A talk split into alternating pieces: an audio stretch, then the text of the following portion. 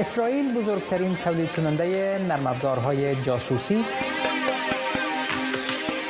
System ثبت صدا با استفاده از تکنولوژی واقعیت مجازی و سایر گزارش ها و مطالب تازه از جهان تکنولوژی در کاروان این هفته.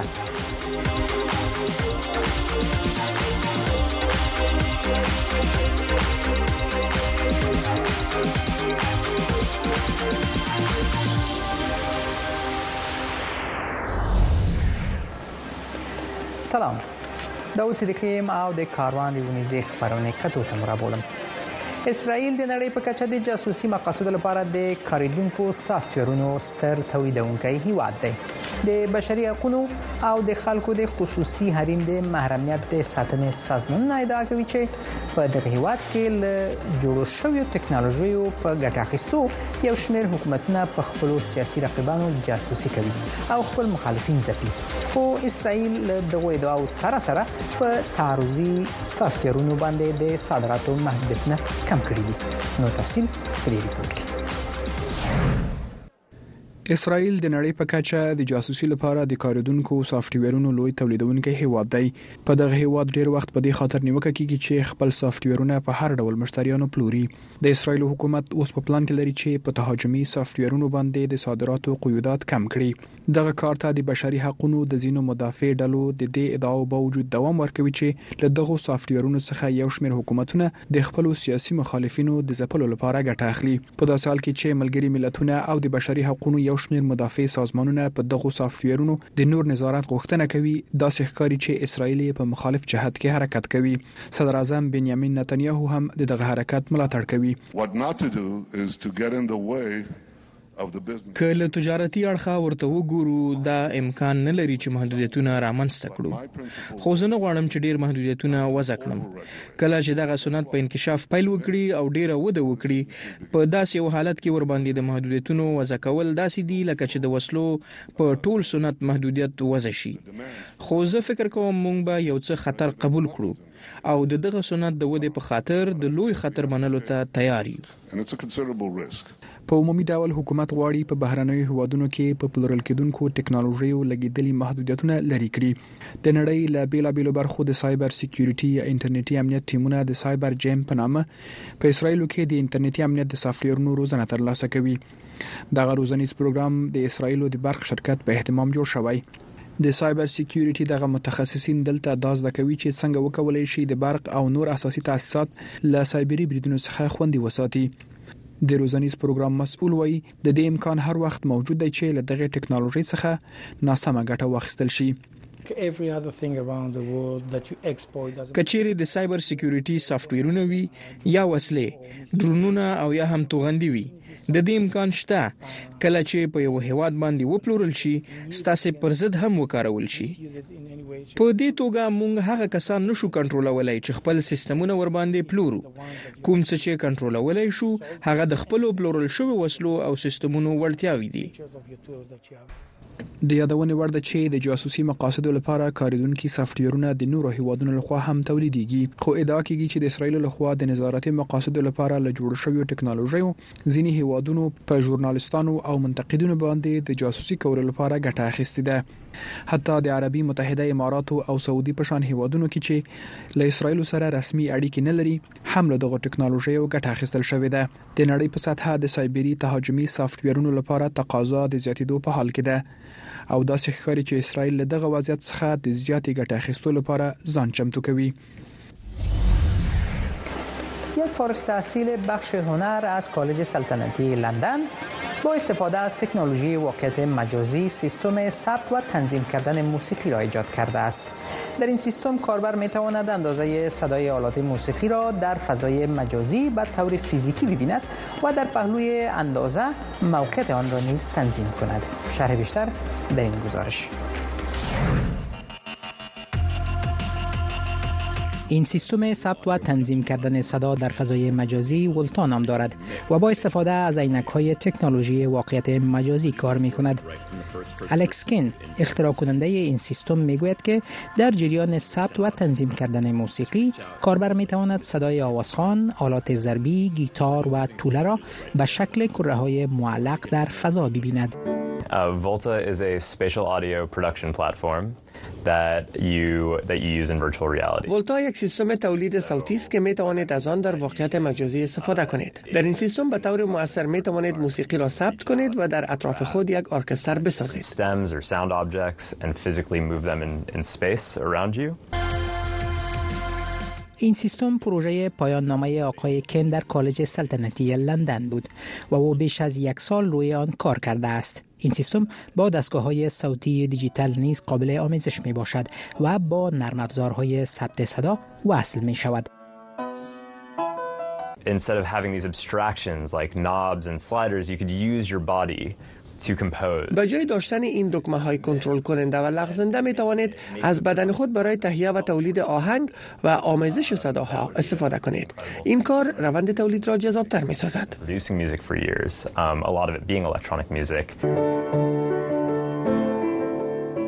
سیستم ولتا تا هنوز در مرحله توسعه قرار دارد و هنرمندان زیاد آن را آزمایش می کنند. آقای کن پیش بینی می کند که در یک سال آینده در دسترس مردم قرار خواهد گرفت و در همین جریان او روی انکشاف عینک واقعیت افزوده برای این سیستم کار می کند. د نایجیریا په شمال ختیځ کې د ټکنالوژي او شرکت د هغو مایوبینو لپاره د 3D پرنټ په ماشين مصنوعي غړي جوړوي چې د جنایتکارو او وسلوالو ډلو په تاوتریخوالي کې لاسونه او کې غوسي شوي دي. نو تفصيل په ریپورت کې 15 کلن جعفر د نایجیریا په شمال ختیځ کې د یولا په سیمه کې د سیمایزو امنیتي ځواکونو په چوکاټ کې د جنایتکار ډلو په وړاندې ل خپل سیمې څخه د ساتنې پر مهال خپل چپ لاس د روان ایسوي کال د جنوري په میاشت کې لاس ورکړ. جعفر د یو سیمایز جنایتکار باند له منګولو څخه د ویتنکی پیغلې په جوړنې کې مرسته وکړه. دغه ډله په خلکو بریدونه کوي او د یولا په خار کې نامني رامنځته کړي ده. د باند غړو جعفر تعقیب کړ او په هغه برید وکړ جعفر هڅه کوله چې خپل سر له برید کوونکو څخه وژغوري چې بریدګرو یې لاس ورڅخه قطع کړ. هغه په دې ورسره کې د 3D پرنټ په ماشين له یو جوړ شوی مصنوعي لاس څخه ګټه اخیستل پیل کړي او کولای شي چې خیاطي وکړي او ځان ته د رزق د پیدا کولو وسیله شي. اما wannan yana dan dauke min wani دغه مصنوعي لاس می هغه تحقیر کم کړی چې ما مخکې احساسولو. کله چې واغوندم د لاس پرې شوی برخه می پټوي او ډیر خلک زما د اصلي او مصنوعي لاس ترمنځ توپیر نشي کولای د همدې پمرسته ځینې کارونه کولای شم د نایجیریا په شمال ختیځ کې د جعفر پشان نورو مایوبینو ته هم د یولاد خار د بشري خدماتو او اختراعاتو په مرکز کې د مصنوعي غړو د جوړونکو ټیمونو لخوا د ډول مصنوعي غړو ته د لاسرسي زمينه مساعده شوه دغه مرکز په 2013 کال کې د نایجیریا د حکومت لخوا پرانستل شو چې د ټکنالوژي شرکتونو او مخترین تشویق کړي چې د سیمې د زینو ټولنیزو ستونزو له حل سره مرسته وکړي د نایجیریا په شمال ختیځ کې له شاوخوا لس کلونو راهیسې جنگ او نامني ده. ډیرو کسانو په جنگونو کې د خپل بدن غړي لاس ورکړي او ډیری د مصنوعي غړو د اخیستو توان نه لري. د 3D پرنټ په ماشين جوړ شوی مصنوعي غړي ارزانه دي او ول کېږي چې د عادي مصنوعي غړو په پرتله ښه هم ورکوي.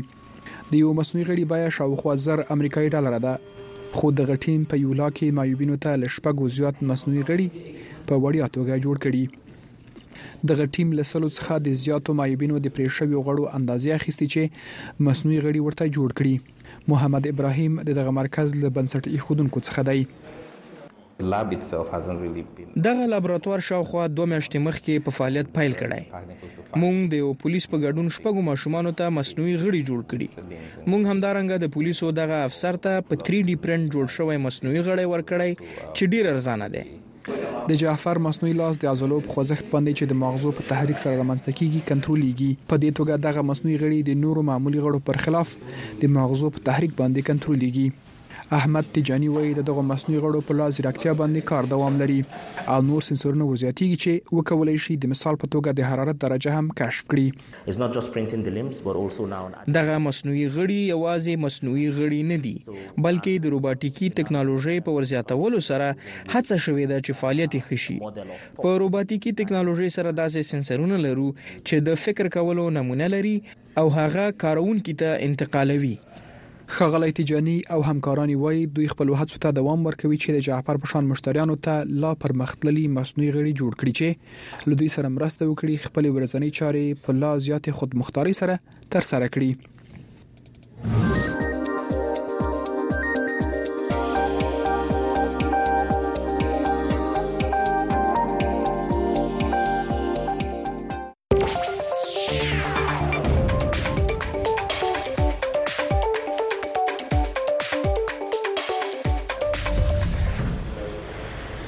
در میان گزارش های جالب از جهان تکنولوژی در این هفته نمایشگاه تکنولوژی سال 2020 در شهر دوبای برگزار شد.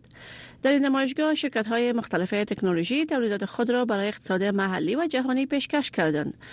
در این میان شهر دوبای که به فرو رفتن در ریگ معروف است اکنون با ساختن امارات جدید هر روز رشد می کند ساخت و سازهای آینده شامل یک شهرک مشترک با بلندترین ساختمان های جهان و شلوغترین میدان های هوایی برای مسافران بین خواهد بود. مقامات دوبای در نمایشگاه میلیاردها دلار را به مصرف رسانیدند و می‌گویند این نمایشگاه توجه 25 میلیون بازدید کننده را برای تشویق تجارت و انکشاف شهرهایشان جلب خواهد کرد. اما ده ها هزار کارگر که در این ساحه بزرگ را تنظیم می‌کنند می‌گویند روی روی نظامی بین کشورهای خلیج فارس بر پروژه های آنها سایه افکنده است.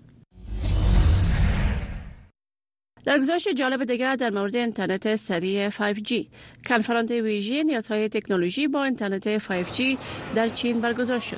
در ششمین کنفرانس جهانی اینترنت که در شرق چین برگزار شده بود بیشتر روی وسایل ساینس و تکنولوژی صنعتی اقتصادی و بشری و اجتماعی همکاری و حمایت از اینترنت در سه روز بحث صورت گرفت که شامل دسترسی به اینترنت سریع 5G می شود در این کنفرانس اپلیکیشن 5G در بخش تبابت از راه دور خانه های هوشمند و موترهای بدون راننده برای بازدید کنندگان به طور عملی نشان داده شد. کنفرانس اینترنت جهانی به هدف معرفی استفاده از اینترنت 5G برگزار شده بود. در بخش زراعت نیز استفاده از اینترنت 5G به نمایش گذاشته شده بود که شامل مزارع در ساحه 4000 متر مربع می شد که در آن گلخانه های سبز برای رشد سبزیجات با قطرهای بوته بانجرومی دیده می شد در گزارش جالب دیگر از شرکت واوی مدیر اجرایی شرکت واوی می‌گوید این شرکت می‌خواهد در فعالیت‌هایش در امریکا شفاف باشد.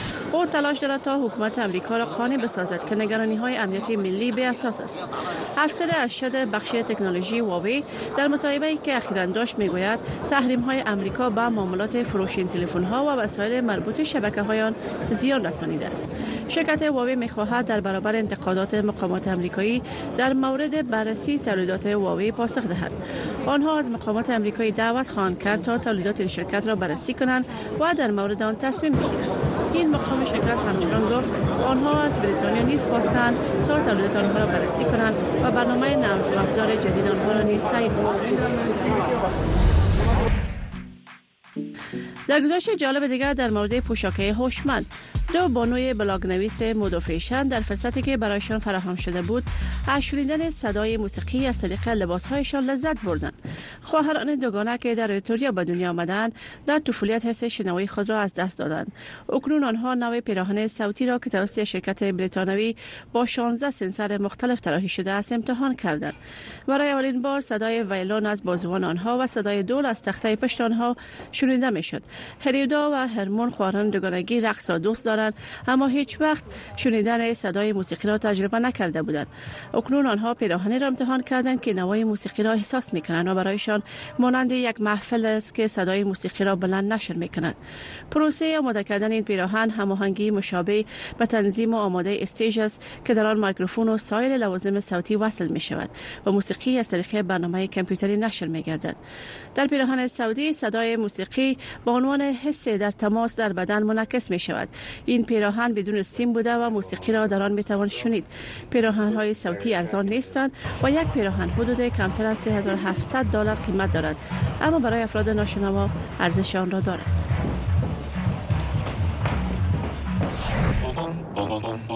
در گزارش جالب دیگر باز هم از جهان تکنولوژی شرکت موترهای نسان نوع توپ بازی گلف را ساخته است که خودکار است. برای کسانی که علاقمند فراگیری مهارت های بازی گلف هستند این نوع توپ خودکار کمک خواهد کرد تا مهارت توپ زدن را فاصله و از سمت آن را بهتر یاد بگیرند. سیستم مانیتوری که در توپ گلف هوشمند در نظر گرفته شده است موقعیت توپ را از سوراخ روی زمین نظر به سرعت و شدت ضربه برای کاربر مشخص می توپ هوشمند گلف شرکت نسان جز معرفی سیستم عامل پروپایلوت دوست که قرار است در موتورهای اسکایلان این ماه عرضه شود. در خبر جالب در مورد تلفن های هواوی. شرکت هواوی اعلام نمود که آخر امسال حدود 50 هزار پایه مخصوص اینترنت 5G در بیشتر از 50 شهر مختلف در سراسر چین نصب خواهد کرد. طبق معلومات وزارت صنعت و تکنولوژی معلوماتی در نشست 5G برای آینده تصمیم بران شده است که این وزارت با گماشتن حدود 370 هزار کارگر در سراسر چین پایه های اینترنت 5G را الی آخر امسال نصب نمایند. این کار جزء پروژه نواری و دسترسی بهتر مردم به تکنولوژی برای زندگی روزمره شمرده می شود. در گزارش جالب دیگر از چین. اپلیکیشن های تازه با گزینه هوش مصنوعی برای زندگی روزمره در کنفرانس جهانی هوش مصنوعی در شهر شانگهای چین معرفی شد. در میان سایر تولیدات نوع مانیتور بررسی از کثافات معرفی شد که نوع زباله را نیز ثبت می‌کنه یکی دیگر از موضوعات مفید برای زندگی روزمره بررسی صندوق های کثافات یا خاکانداز است که باید به موقع پاکاری شود. در بخش دیگر سیستم هوشدار مواد سوخت معرفی شد که می تواند از آتش سوزی به طور آنی خبر دهد و منبع دود بلند شدن را مشخص سازد. لوازم طبی هوشمند که برای دکتران کمک خواهد کرد شامل نمایشگاه بود. برخی مریضان می توانند از تداوی در اول دکتران با انتقال وسایل طبی هوشمند در عرصه وقت مستفید شود. در بخش دیگر استفاده از هوش مصنوعی در لوازم برقی و استفاده از منبع برقی مجازی در تعمیرات نیز توضیح داده شد. و در گزارش دیگر باز هم از چین نمایشگاه تولیدات هوشمند سال 2019 در جنوب غرب چین با حضور بیشتر از 830 هزار بازدید کننده خاتمه یافت. در این نمایشگاه بیشتر از 84 شرکت تکنولوژی شرکت نموده بودند. هدف از برگزاری نمایشگاه معرفی تکنولوژی هوشمند برای توانمندسازی اقتصادی بهبود زندگی روزمره بود. در بخش‌های دیگری نمایشگاه کشورهای مختلف تولیدات تازه تکنولوژی را در پروژه مختلف معرفی کرده و روی ساختن حدود 530 پروژه جدید توافق صورت گرفت. برخی از تولیدات تازه شامل گزینه استفاده از هوش مصنوعی و اینترنت 5G بوده و برخی ربات‌های صنعتی استفاده از تکنولوژی در تحقیق فضایی نیز در نمایشگاه معرفی شدند.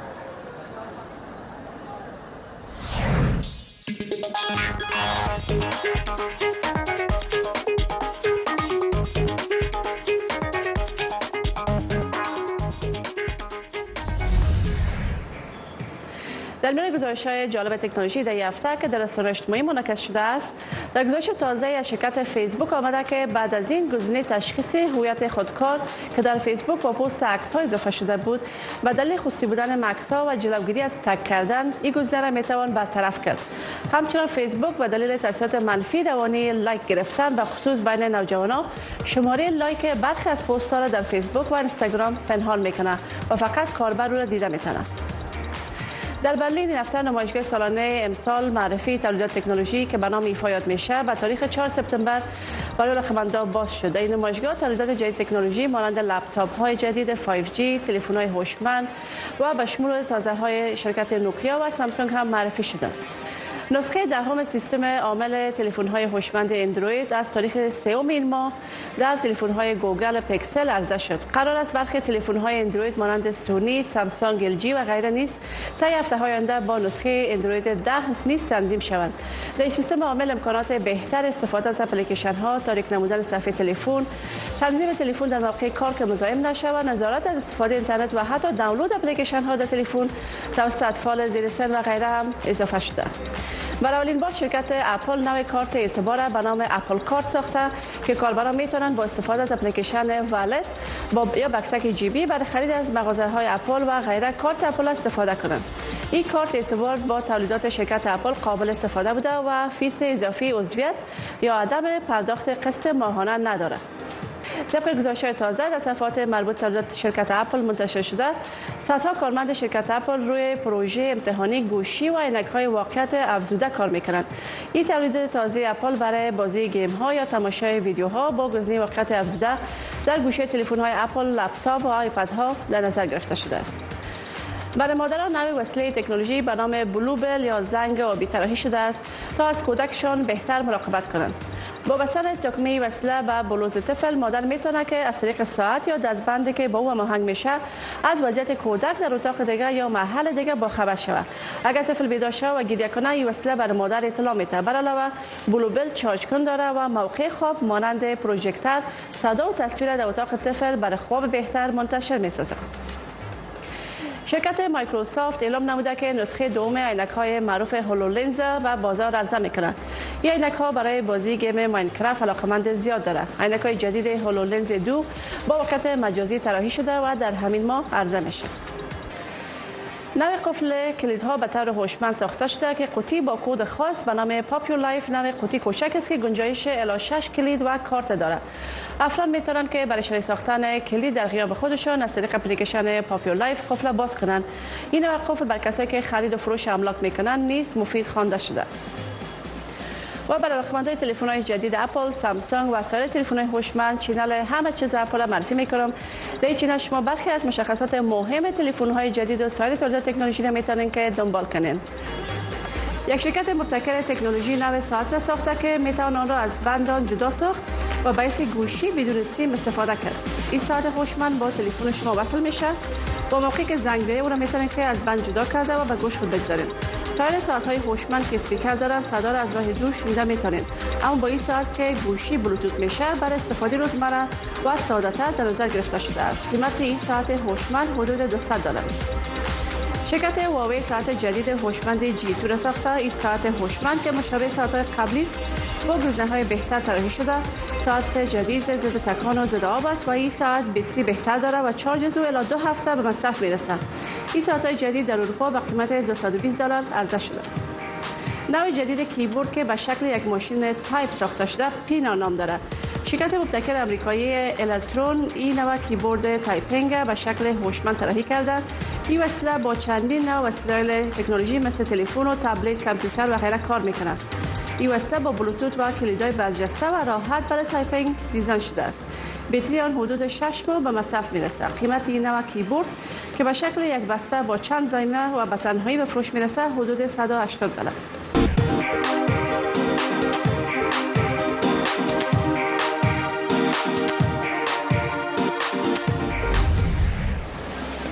موترهای کاملا خودران ممکن سالها وقت بگیرد تا به یک واقعیت تبدیل شود.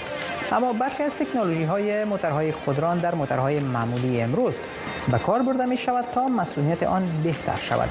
این سیستم ها باعث می شود تا حوادث ناشی از بی احتیاطی راننده ها با استفاده از هوش مصنوعی و دید کامپیوتر کاهش یابد. شرح بیشتر در این گزارش. فقط دو نیم ثانیه به توجهی در جریان رانندگی می تواند شما را با خطر روبرو کند. یک شرکت تکنولوژی در سیلیکون ولی ایالت کالیفرنیا می گوید که راه حل را برای این مشکل یافته است. شرکت ناوتو با استفاده از کمرها، سنسرها، نرم افزار شناسایی تصاویر و هشدار آنی یک چشم اضافی را برای راننده ایجاد کرده است.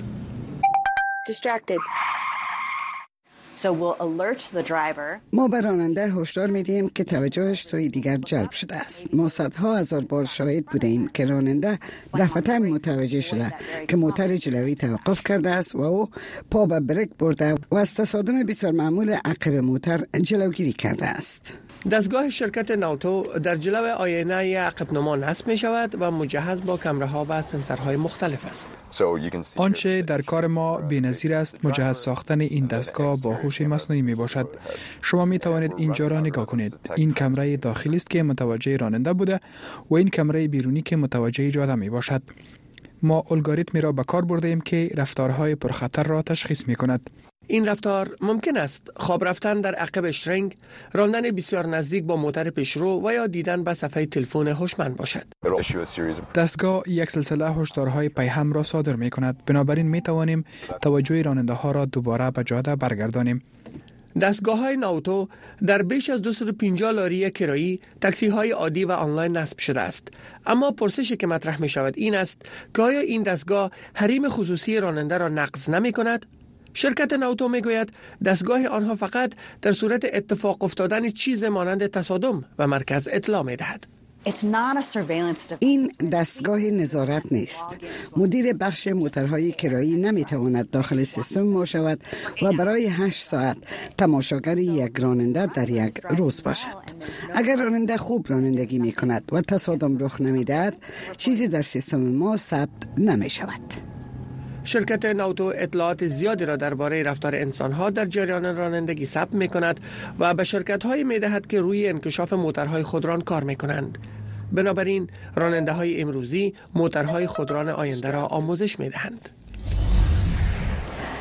لکه څنګه مو چې په تیر ریپورت کې ولیدل نړۍ په تدریج سره د خپل چلیدونکو موټرو لپاره ځان چمتو کوي په دې لړ کې په دې وروستیو کې په سنگاپور کې یو خپل چلیدونکو بس وازمایل شو نور تفصيل ریپورت کې د سنگاپور په ګرمه هوا کې یو خپل چلیدونکو مسافر وړونکو بس چې یو شمیر سیلانیان پکې سپاره دي د چلونکو پرته چلیږي او سیلانیان له سفر کولو پکې خوند اخلي سنگاپور د امریکا متحده ایالاتو وروسته د نړۍ په کچه د خپل چلیدونکو موټرو لپاره د چمتووالي د نیولو لامل دوهم هیواد دی او په دې وروستیو کې یو شمیر مسافر وړونکو خپل چلیدونکو بسونه امتحان کړل د اس ټي انجینیرینګ لاند سیستم په نامه شرکت چې د غازماینه تر سره کوي څو ځلې په سنگاپور او نور هیوادونو کې ازموینې له ناکامۍ سره مخامخ شوې دي دغه شرکت انجینیر تن نایکوان وای دوی نه غواړي چې دا ځلې تجربه ناکام شي او دوی ته د خوندیتوب مسله ډیر اهمیت لري So the team are well prepared.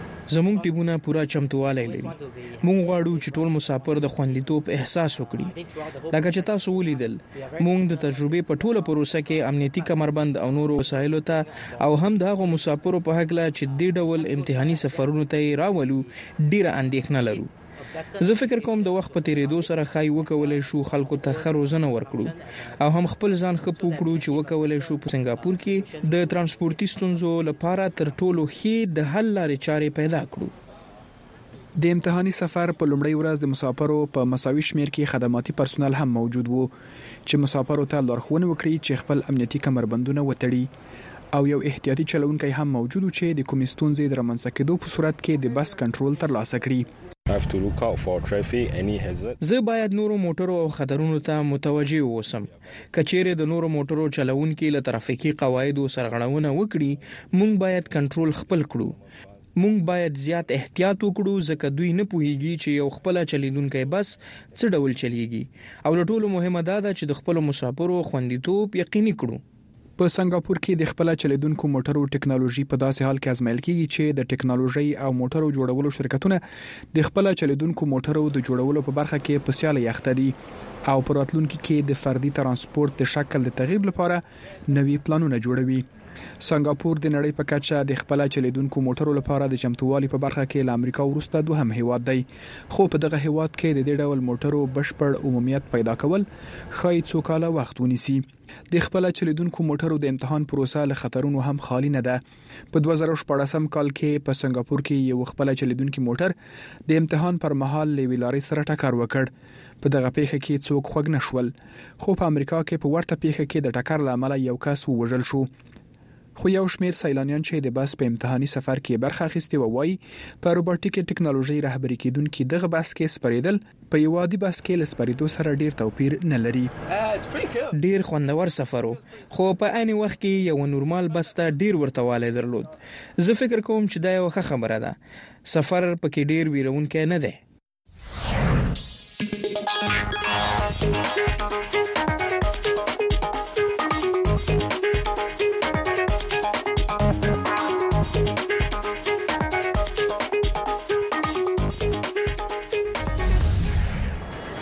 دا د دیونی کاروان. هله چې د خبرونه ټول مطلب مو خوښ شي د خبرونه په پای کې غواړم یادونه وکړم. د دې خبرونه د خوال لپاره تاسو نظرونو او وړاندیزونو ته سترګې پلاره یو. کاروان د امریکا غږ په پښتو دری او کاروان فیسبوک باندې په ژوندې بڼه خبريږي او تاسو کولی شئ د خبرونه د نشر پر مهال خپل نظرونه او وړاندیزونه را سره شریک کړئ. هیله ده چې تل موږ سره پاتې شئ. تر بیا الله مو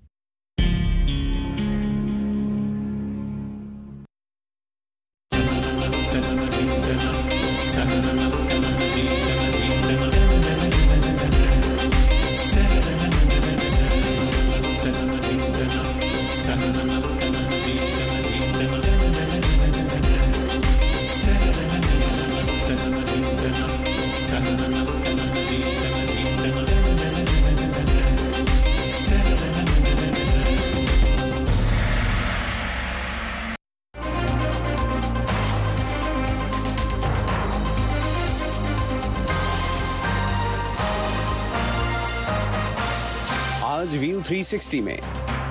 یوکرین پر روسی جنگ کے دو سال۔ اگلے سال میں امریکہ اور یورپ کی حکمت عملی کیا ہونی چاہیے اور کیا پاکستان اب بھی یوکرین کو اسلحہ دے رہا ہے؟ بات کریں گے آج کے شو میں۔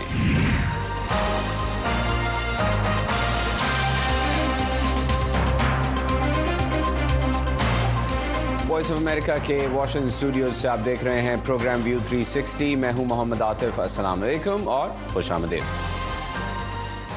یوکرین کے خلاف روسی جنگ کو شروع ہوئے کل یعنی چوبیس فروری کو دو سال مکمل ہو جائیں گے۔ اس جنگ کے نتیجے میں یوکرین کے ہزاروں شہری ہلاک اور لاکھوں دربدر ہو چکے ہیں۔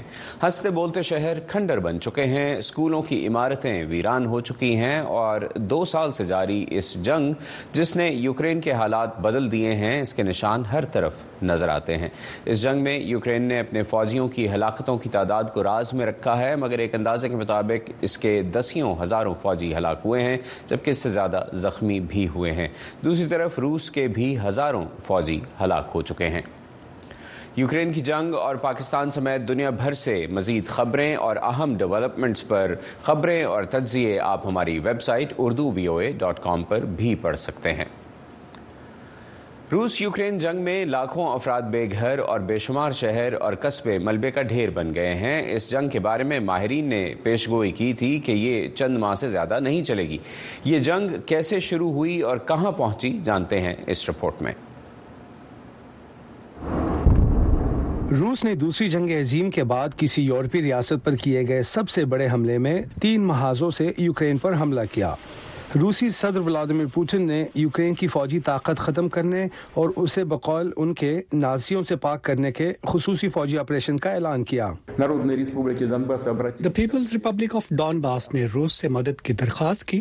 میں نے ایک خصوصی فوجی آپریشن کرنے کا فیصلہ کیا۔ جواب میں یوکرین کے صدر نے اپنے ہر شہری کو تیار رہنے کو کہا۔ ہم پہلے ہی ہتھیار تقسیم کر رہے ہیں اور اپنے ملک کا دفاع کریں گے۔ یوکرین کا مستقبل ہر شہری پر منحصر ہے۔ صدر جو بائیڈن نے چوبیس فروری دو ہزار بائیس کو ماسکو کے یوکرین پر حملے کے بعد روس پر پابندیاں لگائی جن کا مقصد روس کی زیادہ تر عالمی کرنسیوں میں کاروبار کرنے کی صلاحیت کو روکنا اور ساتھ ہی بینکوں اور سرکاری اداروں کے خلاف بھی پابندیاں لگائیں۔ روسی فوج نے بغیر کسی اشتعال کے بغیر کسی جواز کے بغیر ضرورت کے یوکرین کے عوام پر وحشیانہ حملہ شروع کیا ہے۔ یہ سوچا سمجھا حملہ ہے۔ روسی صدر ولادمیر پوٹن نے تیس ستمبر دو ہزار بائیس کو کرملن میں ایک نشریاتی تقریب میں یوکرین کے چار علاقوں کو روس میں شامل کرنے کے لیے دستاویزات پر دستخط کیے۔ انٹرنیشنل کرمنل کورٹ یا آئی سی سی نے روسی صدر ولادمیر پوٹن کی گرفتاری کے لیے وارنٹ جاری کیا، جس میں ماسکو کی جانب سے یوکرینی بچوں کی زبردستی ملک بدری کو جنگی جرم قرار دیا گیا، جس پر کرملن نے غم و غصے کا اظہار کیا۔ کرملن نے فوری طور پر الزامات کو مسترد کر دیا اور روسی وزیر خارجہ نے کہا کہ آئی سی سی کے فیصلے ہمارے ملک کے لیے اور قانونی نقطۂ نظر سے بھی کوئی اہمیت نہیں رکھتے۔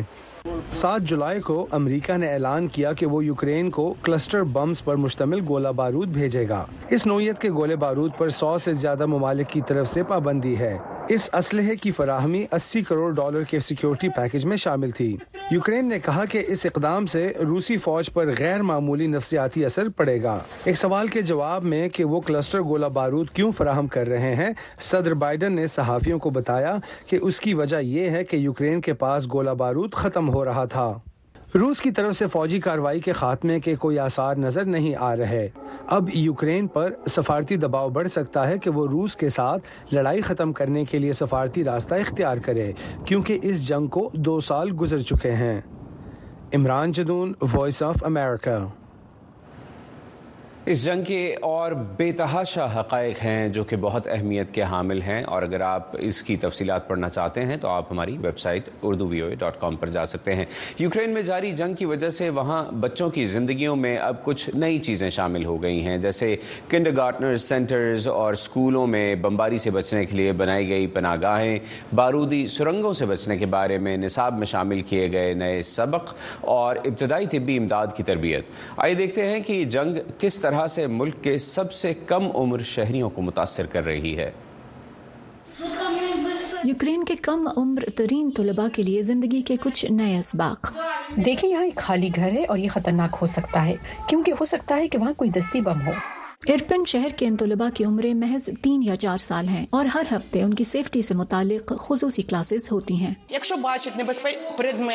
میں بچوں کو سمجھاتی ہوں کہ اگر وہ زمین پر کوئی چیز پڑی ہوئی دیکھیں تو اسے کسی بھی حالت میں نہیں اٹھانا چاہے وہ کھلونا ہو یا ٹافی کیونکہ وہ بارودی چیز ہو سکتی ہے۔ یوکرین پر حملے کے فوری بعد روسی فوج نے مارچ دو ہزار بائیس کے اوائل میں ارپن پر قبضہ کر لیا تھا۔ شہر سے نکلتے وقت انہوں نے یہاں بارودی سرنگیں بچھائیں۔ ہر روز جنگ کے خطرات کا سامنا کرنے والے ہر عمر کے یوکرین یوکرینی طلبہ کو ان خطرات کے بارے میں سبق دیے جاتے ہیں۔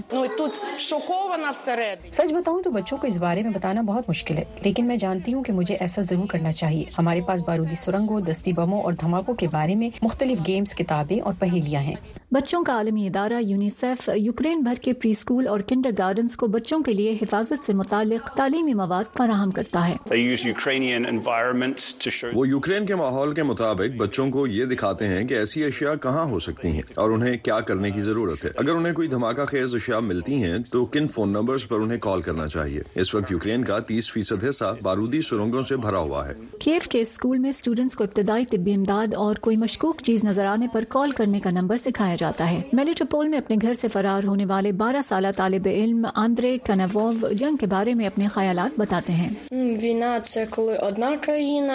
جنگ وہ ہوتی ہے جب ایک ملک دوسرے ملک کی سرزمین پر قبضہ کرنا چاہتا ہے۔ وہ بمباری کرتے ہیں اور وہاں ہر طرح کی جنگی گاڑیاں چلاتے ہیں۔ اسکول کی ایک ٹیچر کہتی ہیں کہ بچے وقت سے پہلے بڑے ہو رہے ہیں۔ انہیں زیادہ توجہ اور دیکھ بھال کی ضرورت ہے۔ کبھی کبھی میں دیکھتی ہوں کہ بچے خاموش یا اداس ہوتے ہیں۔ ہمارا کام ان کے قریب ہونا ہے لیکن ساتھ ہی ہمیں اپنے تعلیمی پروگرام کو موجودہ جنگی حالات کے مطابق مسلسل ڈھالنے کی ضرورت ہے۔ یونیسف کے ڈیمین رینس کا کہنا ہے کہ یوکرین میں ستر لاکھ بچوں میں سے تقریباً چالیس فیصد کو ابھی تک ذاتی طور پر کلاس رومز میں تعلیم تک رسائی نہیں اور تقریباً پندرہ لاکھ ذہنی صحت کے مسائل مسائل ہیں جن کے لیے پیشہ وارانہ مداخلت کی ضرورت ہے۔ لیزیا باکلیٹس کی رپورٹ کے ساتھ Faiza Bukhari Voice of America Ukraine کو روس کے خلاف جنگ میں مدد کے لیے پاکستان نے بھی گولہ بارود فراہم کیا تھا، جو کہ دو ہزار تیئیس میں پاکستان سے پرائیویٹ امریکی کمپنیوں گلوبل ملٹری اور نارتھروپ گرومن نے تین سو چونسٹھ ملین ڈالر کی ایک ڈیل کے تحت خریدا۔ اس بارے میں اسی ہفتے اسلام آباد میں روسی سفیر نے ایک پریس کانفرنس میں صحافیوں سے بات کرتے ہوئے ایک بڑا دعویٰ کیا۔ وہ کیا تھا؟ یہ جاننے کے لیے چلتے ہیں اسلام آباد، جہاں ہمارے نمائندے علی فرقان موجود ہیں، جو اس پریس کانفرنس میں موجود تھے۔ Ali thank you for joining یہ پریس کانفرنس کس بارے میں تھی؟ اور روسی سفیر نے یوکرین کو پاکستانی ہتھیاروں کی سپلائی کے بارے میں کیا کہا؟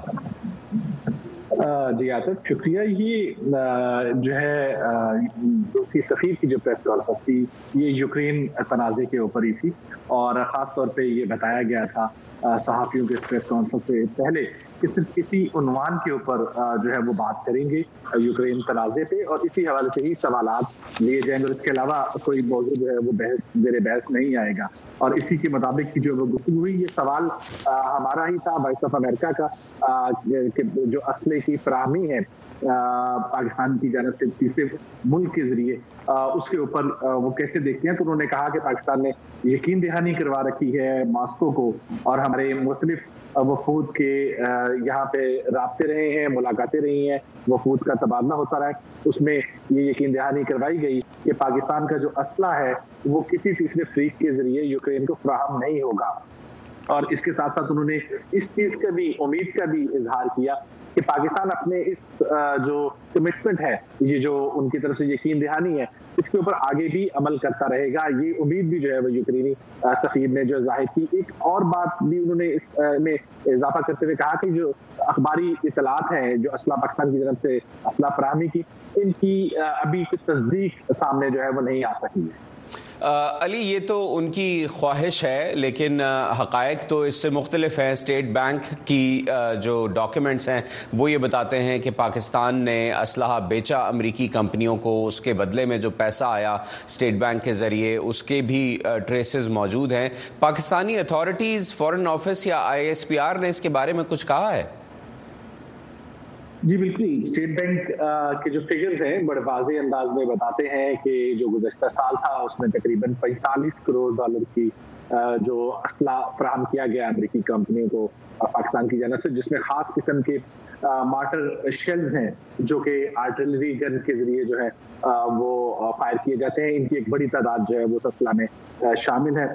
یہ تو جو ہے، وہ چیزیں موجود ہیں ریکارڈ کے اوپر، لیکن اس کے باوجود یہ بار بار جو ہے وہ کہا جاتا رہے ہمارے وزیر اعظم جو نگران وزیر اعظم ہیں، انہوں نے بھی وائس آف امریکہ سے جو گفتگو ہوئی تھی، تو انہوں نے اس چیز کی کہا تھا تردید کی تھی کہ پاکستان جو ہے وہ اسلحہ فراہم نہیں کر رہا ہے۔ البتہ یہ ہمیں جو ہے وہ مختلف ذرائع سے اس کے اوپر جو بات چیت، کیونکہ ایک بڑی پاکستان میں یہ بحث ہوتی رہی آفیشیلی تو ہمیں اس کی زیادہ سے بھی تصدیق نہیں ہو سکی، لیکن بہت سارے سرکاری حکام سے جب ہماری بات چیت ہوتی رہی، تو وہ اس بات کی وضاحت جو ہے وہ اس طریقے سے کرتے رہے کہ یہ ایک جو ہے وہ پہلے سے معاہدہ تھا، پہلے کی کمٹمنٹ تھی، جس کو پورا کیا گیا ہے۔ یا انہوں نے اس کو اس انداز سے بیان کیا کہ یہ وہ ویپنز نہیں ہیں جن کے اوپر پابندی ہے عالمی سطح کے اوپر فراہم کرنے میں۔ تو اس طریقے سے کچھ جو ہے وہ مبہم قسم کی گفتگو جو ہے وہ ضرور کی جاتی لیکن سرکاری سطح کے اوپر چاہے وہ ہمارا دفتر خارجہ ہے ہمارے وزیر اعظم کا آفس ہے یا آئی ایس پی آر ہے فوج کے ترجمان ایکسپرٹس اس بارے میں کیا کہتے ہیں؟ کیوں پاکستان کا دفتر خارجہ اس کو ڈینائی کرتا ہے لیکن ٹریسز موجود ہیں ٹرانزیکشنز موجود ہیں جو یہ ثابت کرتی ہیں کہ گولہ بارود بیچا گیا ہے موٹر گولے بیچے گئے ہیں اور یہاں پہ امریکہ میں جو ڈاکیومنٹیشن ہے وہ یہ ثابت کرتی ہے کہ امریکہ نے وہ سپلائی کیے ہیں۔ یوکرین کو ایک طرف ہم دیکھیں خطے کے دوسرے ملکوں کو جیسے انڈیا ہے ترکی ہے یا چائنا ہے، انہوں نے ایک نیوٹرل پالیسی اپنائی ہوئی ہے۔ تو کیا وجہ ہے؟ پاکستان پہ کیا کوئی دباؤ ہے جس کی وجہ سے پاکستان اس نیوٹرالٹی کو اس طرح سے آ کر بیان نہیں کرتا؟ ایکسپرٹس کیا کہتے ہیں؟ یہ چونکہ اب دو سال کا عرصہ ہو چکا ہے اور پاکستان کو خاصی ایک مشکل سی صورتحال یوکرین تنازع کو لے کے چلنی پڑی۔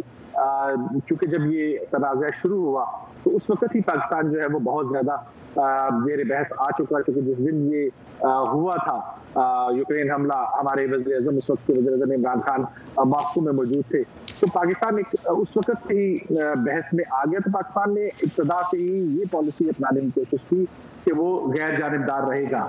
اور اس کو یہ مشکلات جو ہے وہ پاکستان کو مختلف مراحل میں رہی، کیونکہ اس دوران میں تحریک عدم اعتماد بھی آئی، پھر عمران خان کی حکومت کے فاصلے کے بعد اس دوران میں ایک امریکی مداخلت کا ایک بہت زیادہ چرچا رہا۔ اور نئی حکومت کو بھی اس حوالے سے مشکلات رہی لیکن بہرحال پاکستان نے ایک مجموعی طور پہ اپنے آپ کو غیر جانبدار رکھنے کی کوشش کی۔ اور یہ جو بیانات ہیں جس کو آن نہیں کیا جاتا اس اسلحہ فراہمی کو واضح طور پہ اس کی ایک بڑی وجہ یہ ہے کہ پاکستان چاہتا ہے کہ وہ خود کو غیر جانبدار رکھے اور غیر جانبدار ہی ثابت کرے۔ اور ابھی جو کہ ابتدائی طور پہ ہمیں دیکھا کہ پاکستان کے اوپر کچھ تنقید تھی مغرب کی طرف سے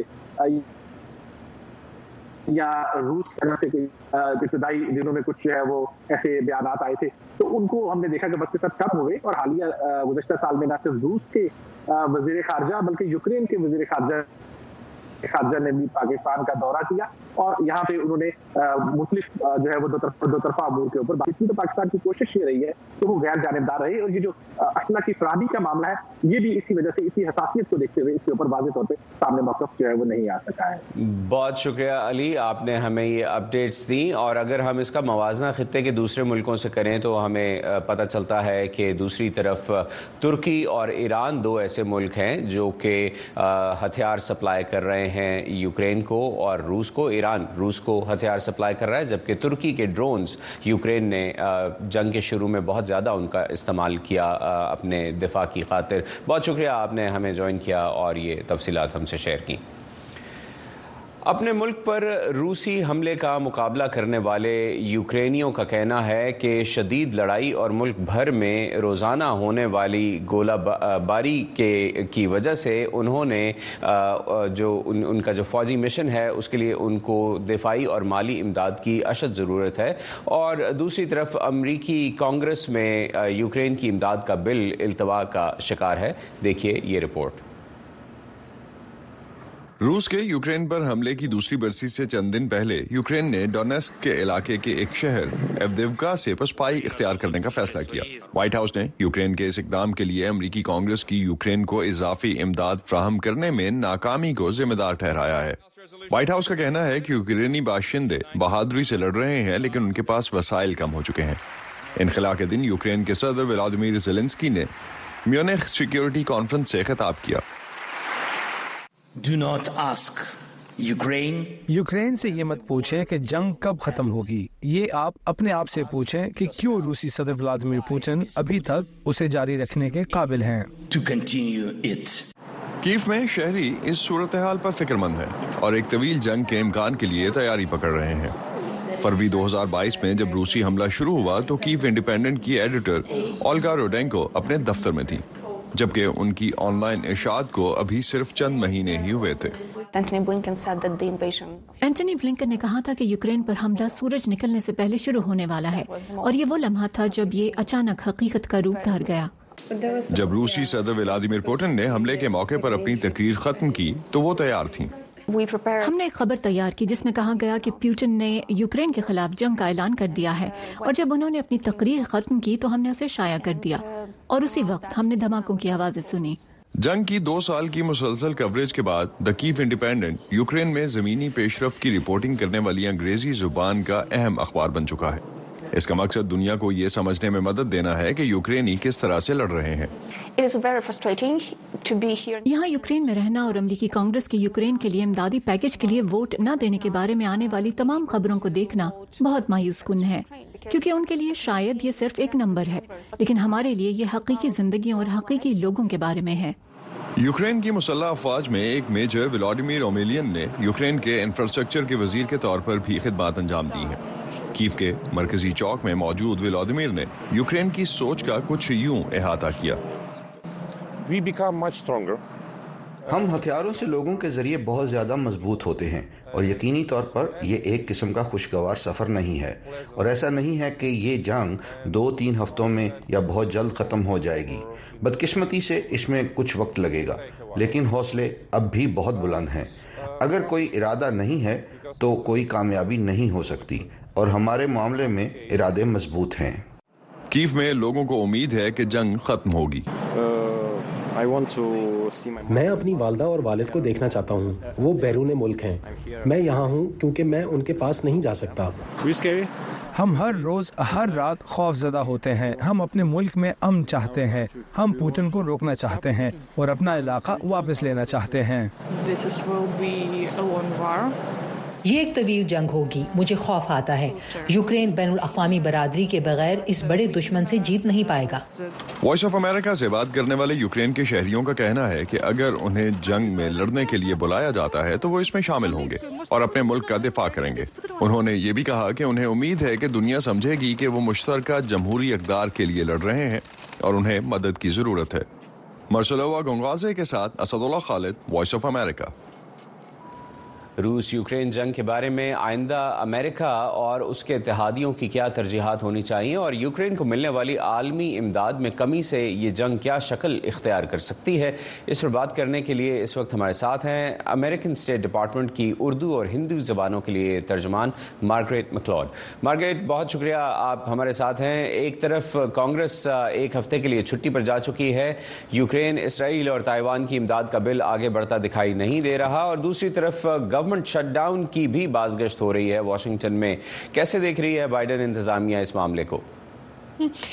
دیکھیے، امریکی کانگریس ایک دوسرا سرکاری شک ہے اور میں ان کی اندرونی بحث کے بارے میں تفصیلی میں بات نہیں کر سکتی۔ لیکن اتنا ہی کہہ سکتی ہوں کہ بائیڈن انتظامیہ یوکرین کا کیا کیا ضرورتیں سمجھا رہے ہیں اور ہم یوکرینی لوگوں کے ساتھ کھڑے رہتے ہیں۔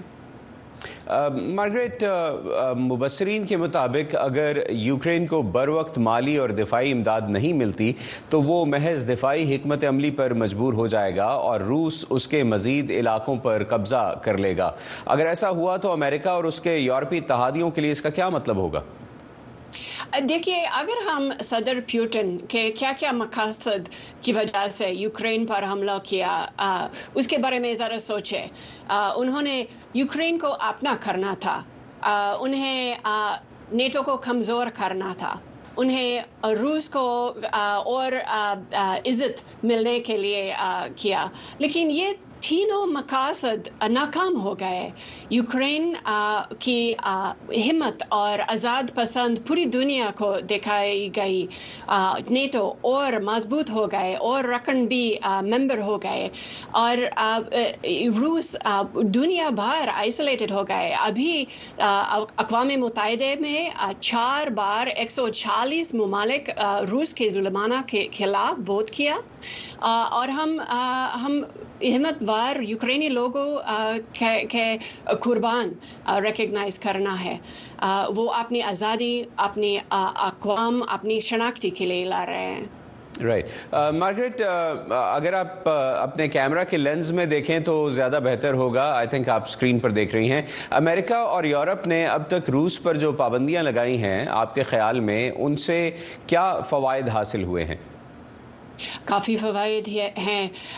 اگر ہم دو سال پہلے روس کے اقتصادیات کے بڑھانے کی توقع دیکھیں اس سے پانچ فیصد کم ہے۔ اور سینکڑوں ملٹی نیشنل کارپوریشن روس سے باغ لیا بھاگا پھر ہم یہ بھی کہہ سکتے ہیں کہ روس وہ اوائڈ کرنے کے لیے الگ الگ راستے ڈھونڈ رہے اس لیے امریکہ اور ہمارے اتحادیوں کے ساتھ اور پابندی لگانے کا اعلان کرنے والے ہیں۔ مارکیٹ کیا آپ ہمیں یہ بتا سکتی ہیں کہ آج جن پابندیوں کا اعلان کرنے والا ہے امریکہ، یہ پابندیاں کس قسم کی ہیں اور اس سے کیا نتائج حاصل ہوں گے؟ میں اس کی تفصیل اعلان سے پہلے نہیں کہوں گی، لیکن اتنا ہی کہہ سکتی ہوں کہ یہ پابندی وہ تنظیم اور افرادوں پر ہو جو یوکرین کے جنگ سپورٹ کر رہے ہیں۔ روسی سفیر نے اب سے کچھ دیر پہلے ہم اپنے کورسپونڈنٹ علی فرقان سے بات کر رہے تھے۔ انہوں نے ایک اسلام آباد میں ایک پریس کانفرنس میں صحافیوں کو بتایا کہ پاکستان نے انہیں یقین دہانی کروائی ہے کہ پاکستانی گولہ بارود روس پر حملوں کے لیے استعمال نہیں ہوگا۔ کیا اب امریکی کمپنیاں پاکستانی اسلحہ نہیں خریدیں گی؟ دیکھیے کون کس قسم کے ہتھیار، کس کو بیچنا، یہ ہر ایک ملک کا اپنا فیصلہ ہے۔ امریکہ سے نقطۂ نظر کے نقطۂ نظر سے دیکھے تو یہ سمجھتے ہیں، ہم سمجھتے ہیں کہ یوکرین کا سہارا کرنا ایک اچھی بات ہے۔ اور اگر ہم ہتھیار کے بارے میں بات کریں ابھی روس شمالی کوریا اور ایران سے خرید کر یوکرینی لوگوں پر استعمال کر رہے ہیں۔ ہم سمجھتے ہیں کہ یہ عالمی برادری کا میجورٹی رائے کا ایک مثال ہے۔ کیونکہ اقوام متحدہ ایک سو چالیس ممالک روس کی ظلمانہ کے خلاف ووٹ کیا۔ اور عام عام ممالک روس کو ہتھیار نہیں بیچنا چاہتے ہیں، کیونکہ وہ سمجھتے ہیں کہ موسم یوکرینی لوگوں پر استعمال ہو جائے۔ آخر میں یہ بتائیے گا مارگریٹ کہ گلوبل ساؤتھ یہ کہتا ہے کہ روس کے یوکرین پر حملے اور اس کے نتیجے میں عام شہریوں کی ہلاکتوں پر امریکہ کا رد عمل بہت سخت تھا۔ لیکن جب اسرائیل کے غزہ پر حملے اور وہاں ہونے والے عام شہریوں کی ہلاکتوں کو دیکھا جاتا ہے تو امریکہ کا رد عمل ویسا نہیں ہے۔ ایسا کیوں ہے؟ دیکھیے، یہ دونوں صورتحال کافی الگ ہے، اس لیے ہمارا جواب بھی الگ ہے۔ اور امید ہے کہ مستقبل میں مشرق غصہ کے بارے میں اور تفصیل میں ہم بات کر سکیں۔ لیکن میں اتنا ہی کہوں گی کہ ہم ایسی عرضی جنگ بندی چاہتے ہیں جس میں تمام یارغمالیوں کی رہائی مل سکے ضروری انسانی امداد پہنچا سکے اور اور سسٹینبل امن کی بات چیت شروع ہو سکے، جس میں فلسطینی لوگوں اور اسرائیلی لوگوں دونوں حفاظت اور وقار سے جی سکے۔ مارگریٹ مکلوڈ بہت شکریہ، آپ نے ہمارے پروگرام کے لیے وقت دیا۔ بہت شکریہ۔ اسی پر ختم کرتے ہیں آج کا ویو 360 سٹے سیف اور پاکستان اور خطے سمیت دنیا بھر کی اہم خبروں اور دلچسپ معلومات کے لیے آئیے ہماری website Urdu V O A dot com پر۔ یہ سارا کانٹینٹ آپ کو ملے گا ہمارے سوشل میڈیا پلیٹ فارمز پر بھی۔ Facebook dot com slash V O Urdu. YouTube پر ہمارا چینل ہے وی او اردو کے نام سے۔ محمد، آپ کو اجازت دیجیے۔ خدا حافظ۔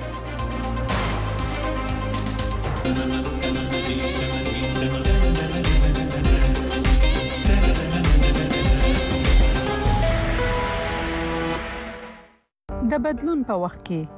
کله چې نړۍ د غیر یقیني سره مخامخ کاری او کله چې موږ ساوو هغه هغه شان نخکاری چې څنګه وینو. موږ د اړتیا ولټون کوو موږ ته چې کله نیمګړی قصه ویل کیږي موږ پر باور بیلو. د کڑکېچ په شیبو کې زمون خوبونه امیدونه او د غوړه سباوند لپاره زمون ارزوګانې آزادې میډیا ته اړتیا لري. په وایس اف امریکا کې ممتاز ته داسې خبرونه راوړو چې د قتل لپاره خلک د خطر سره مخامخ کوي. مونږ نړۍ سره یو ځای کوو او اړتیا سره پیوست کوو. په وایس اف امریکا کې مونږ تاسو ته پوره عکس درخایو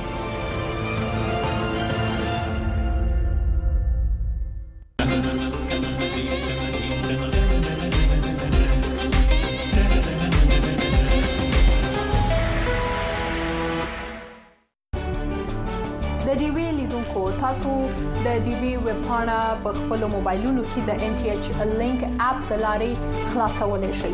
د دې طریقه به تاسو خو چې تاسو په آیفون او په انډراید فون باندې څنګه کولای شئ چې داغه اپ ډاونلوډ کړئ او له هغه ځای څخه د ډي بي ویب پاڼه وګورئ. د N T H link app ډاونلوډولو لپاره که تاسو سره آیفون وي نو تاسو خپل اپل ستور پرانځئ او که له تاسو سره انډراید فون وي نو تاسو ګوګل ستور پرانځئ له هغه وروسته لټون کې ان ټي ایچ لینک ولیکئ او دا اپ ډاونلوډ کړئ په دویم پړاو د آی اګری ثنې کې ښاګي او بیا د فلګ لاندې د کنیکټ ثنې کې ښاګي او په دریم پړاو کې بیا د اوکی ثنې یا پټه کې ښاګي لکه نکټېدو وروسته تاسو د دې پاڼه پرانیزئ او د خپل خوښې خبرونه وګورئ.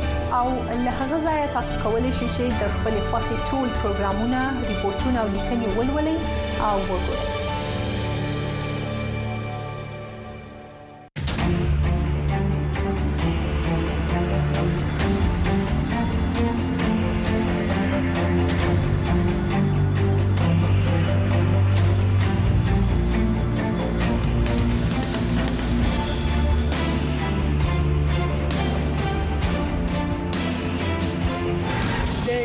سره اوسئ.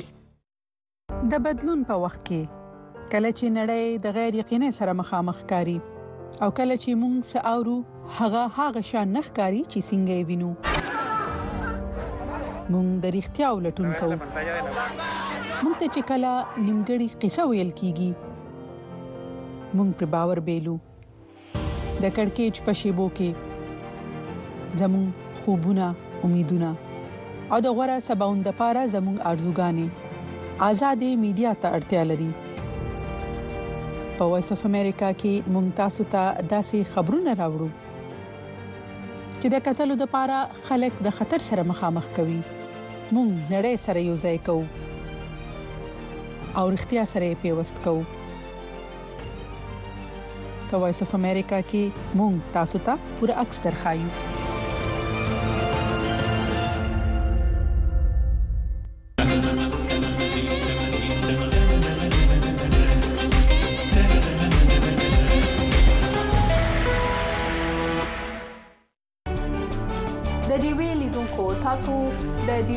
پاڼه په خپل موبایلونو کې د ان ټي ایچ لینک اپ د لارې خلاصولای شئ.